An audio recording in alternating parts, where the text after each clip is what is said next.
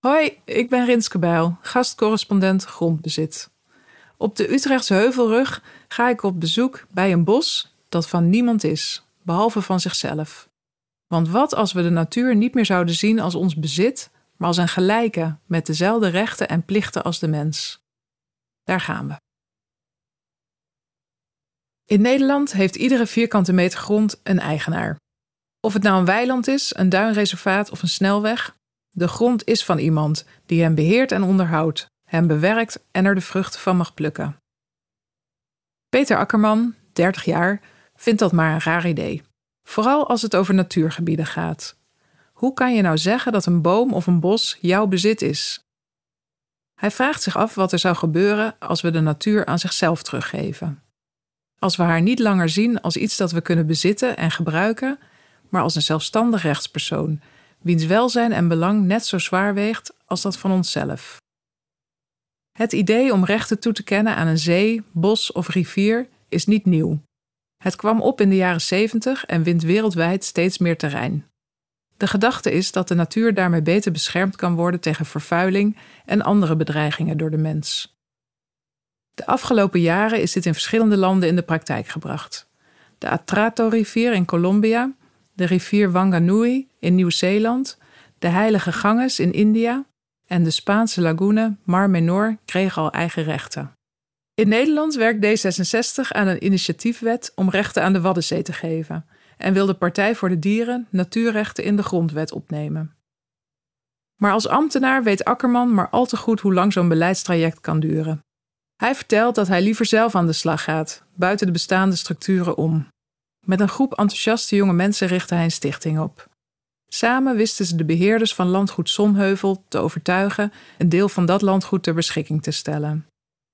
En zo wandel ik met Peter Akkerman en Joke Terstegen, 28 jaar, die zich een paar maanden geleden bij het initiatief aansloot, over modderige bospaden naar een stuk bos dat sinds kort van niemand is.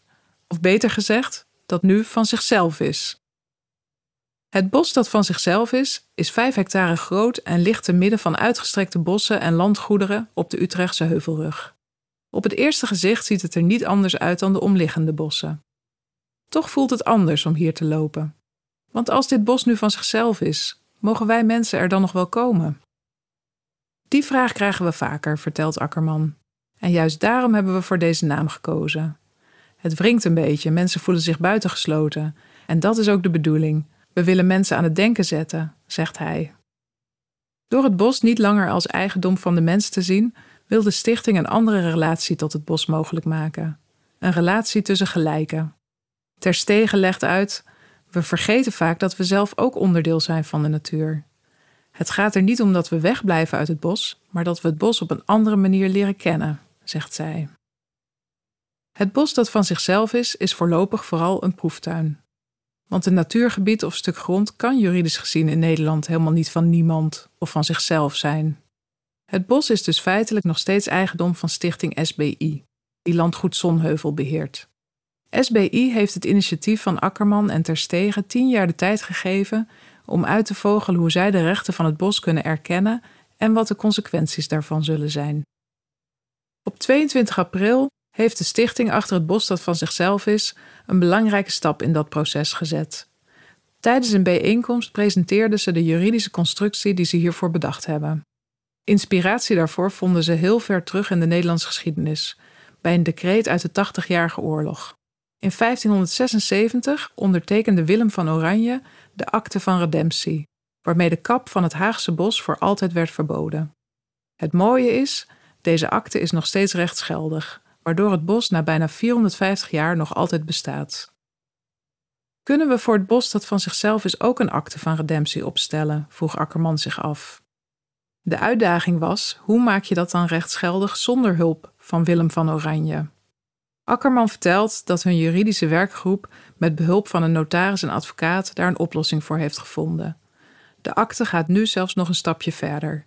Het bos krijgt voor eeuwig autonomie en het recht op bescherming en herstel. Ook al blijft het bos met deze akte van redemptie eigendom van SBI, toch noemen de geraadpleegde juristen het een revolutionair middel voor de rechtsbescherming van de natuur, vertelt Akkerman enthousiast. Het komt namelijk neer op een verbod op menselijk ingrijpen. Tijdens onze wandeling in het bos dat van zichzelf is, probeer ik heel bewust om me heen te kijken en te luisteren. Ik zie dingen die me eerder niet opvielen. Het donkergroene, fluweelzachte mos op de grond, de ruwheid van het schors van de bomen. Akkerman wijst af en toe iets aan, hoe twee bomen in elkaar verstrengeld zijn, hoe ergens anders de ene boom de andere het licht beneemt. Ik voel me een beetje kleiner en nederiger worden, nu mijn aanwezigheid hier minder vanzelfsprekend is. Die bewustwording is een belangrijk doel van de stichting achter het bos dat van zichzelf is, vertellen Akkerman en Terstegen. Het heeft ook consequenties voor de manier waarop zij het bos willen beheren.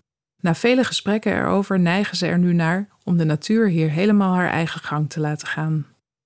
Niet ingrijpen dus, ook als er ziektes en plagen ontstaan, of als een van de plant- of diersoorten oprukt ten koste van de andere. Dat is iets dat indruist tegen gangbare opvattingen over natuurbeheer. Kan dat wel zomaar, een stuk bos onbeheerd laten? Akkerman vertelt: Als mensen zijn we gewend het bos te willen beheren en beschermen. Maar wij zijn benieuwd wat er gebeurt als we dat nou eens niet doen. Als we het bos de kans geven zelf tot een nieuw evenwicht te komen. Misschien ziet het er dan de komende honderd jaar in onze ogen verwaarloosd uit, maar ontstaat er op de hele lange termijn een veel sterker, robuuster ecosysteem. Dat geduld kunnen wij mensen meestal niet opbrengen, omdat we het dan zelf niet meer mee kunnen maken. Een boom wel, die kan wel 800 jaar oud worden. Maar als je nou ziet dat het niet goed gaat met het bos, met de bomen en de dieren die er leven, hoe weet je dan zo zeker dat niet ingrijpen is wat het bos zelf zou willen? Het is een heet hangijzer in de discussie over rechten voor de natuur. Want uiteindelijk heeft ook een bos dat van zichzelf is mensen nodig om deze afwegingen te maken en de belangen van het bos te vertegenwoordigen. Ook het bestuur van Stichting Bos dat van zichzelf is, heeft hier nog geen antwoord op gevonden. Terstegen vertelt: Onze slogan is natuur met zelfbestuur. En toch zitten we tijdens vergaderingen alleen met mensen te praten. We zoeken daarom naar praktische manieren om de belangen van het bos mee te nemen in onze besluiten. Laten we een van de bestuursleden het bos vertegenwoordigen? Krijgt het een inspraakmomentje waarin je samen probeert het standpunt van het bos in te nemen? Of krijgt het bos zelf zitting in het bestuur? Kan het ook voorzitter worden? Akkerman vult aan: We weten nog niet of ons menselijke juridische systeem hiervoor überhaupt toepasbaar is. Maar door de natuur tot ons eigendom te maken en bijvoorbeeld te registreren in het kadaster, hebben we haar er nu wel onderdeel van gemaakt. Wij proberen nu te bedenken of we ons ook als gelijken tot het bos kunnen verhouden.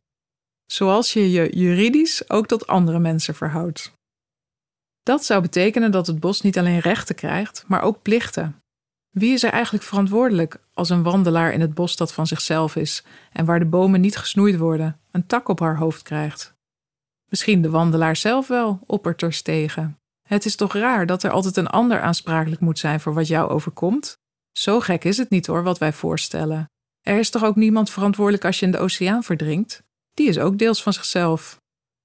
Akkerman voegt toe: We willen dit soort consequenties zo concreet en praktisch mogelijk maken, zodat iedereen snapt wat er op het spel staat als je de natuur rechten geeft. Deze vijf hectare bos zijn voor hem daarom nog maar het begin. Echt interessant wordt het als er nog veel meer bossen van zichzelf bijkomen. En dat het dan flink gaat schuren, zegt hij dat ergens een weg moet worden aangelegd en dat er dan vier van die bossen in de weg zitten. Als belangen gaan botsen, komt de relatie tussen de mens en het bos pas echt op scherp te staan. Met de presentatie van de akte van redemptie is dat scenario een stapje dichterbij. Verder betekent het vooralsnog veel vragen stellen, in gesprek gaan met voor- en tegenstanders van rechten voor de natuur en in de praktijk uitproberen wat werkt. Terstegen vertelt we willen een weeffout in het systeem herstellen. Het is niet de natuur zelf die om rechten gevraagd heeft. Maar de belangen van de natuur zijn te lang ondergeschikt gemaakt aan economische belangen, waardoor we nu met meerdere ecologische crises kampen. Biodiversiteit, klimaat, stikstof, vervuiling, ontbossing. En benadrukken ze beide, het is uiteindelijk dus ook in ons eigen belang om de natuur voorop te stellen. Wij mensen kunnen alleen in leven blijven als onderdeel van een gezond ecosysteem. Als er geen bomen kunnen leven, kunnen wij dat ook niet. Het is de missie van de correspondent om voorbij de waan van de dag te gaan. Onze correspondenten voorzien het nieuws van context en schrijven over de grote thema's van deze tijd. De correspondent geeft me de vrijheid om mijn nieuwsgierigheid te volgen en de tijd om verhalen te schrijven. En zo probeer ik onzichtbare structuren zichtbaar te maken en een andere kijk te bieden op debatten die het nieuws domineren. Dan gaat het minder over het spelletje en veel meer over wat er op het spel staat. Vanaf dag 1 zijn onze artikelen, boeken en podcasts gefinancierd door onze leden. Volg ons op onze journalistieke zoektocht. Overweeg eens lid te worden van de correspondent. En maak daarmee samen met ruim 70.000 anderen onze onafhankelijke journalistiek mogelijk. Dus word lid van de correspondent. Ja. Word lid. Word lid.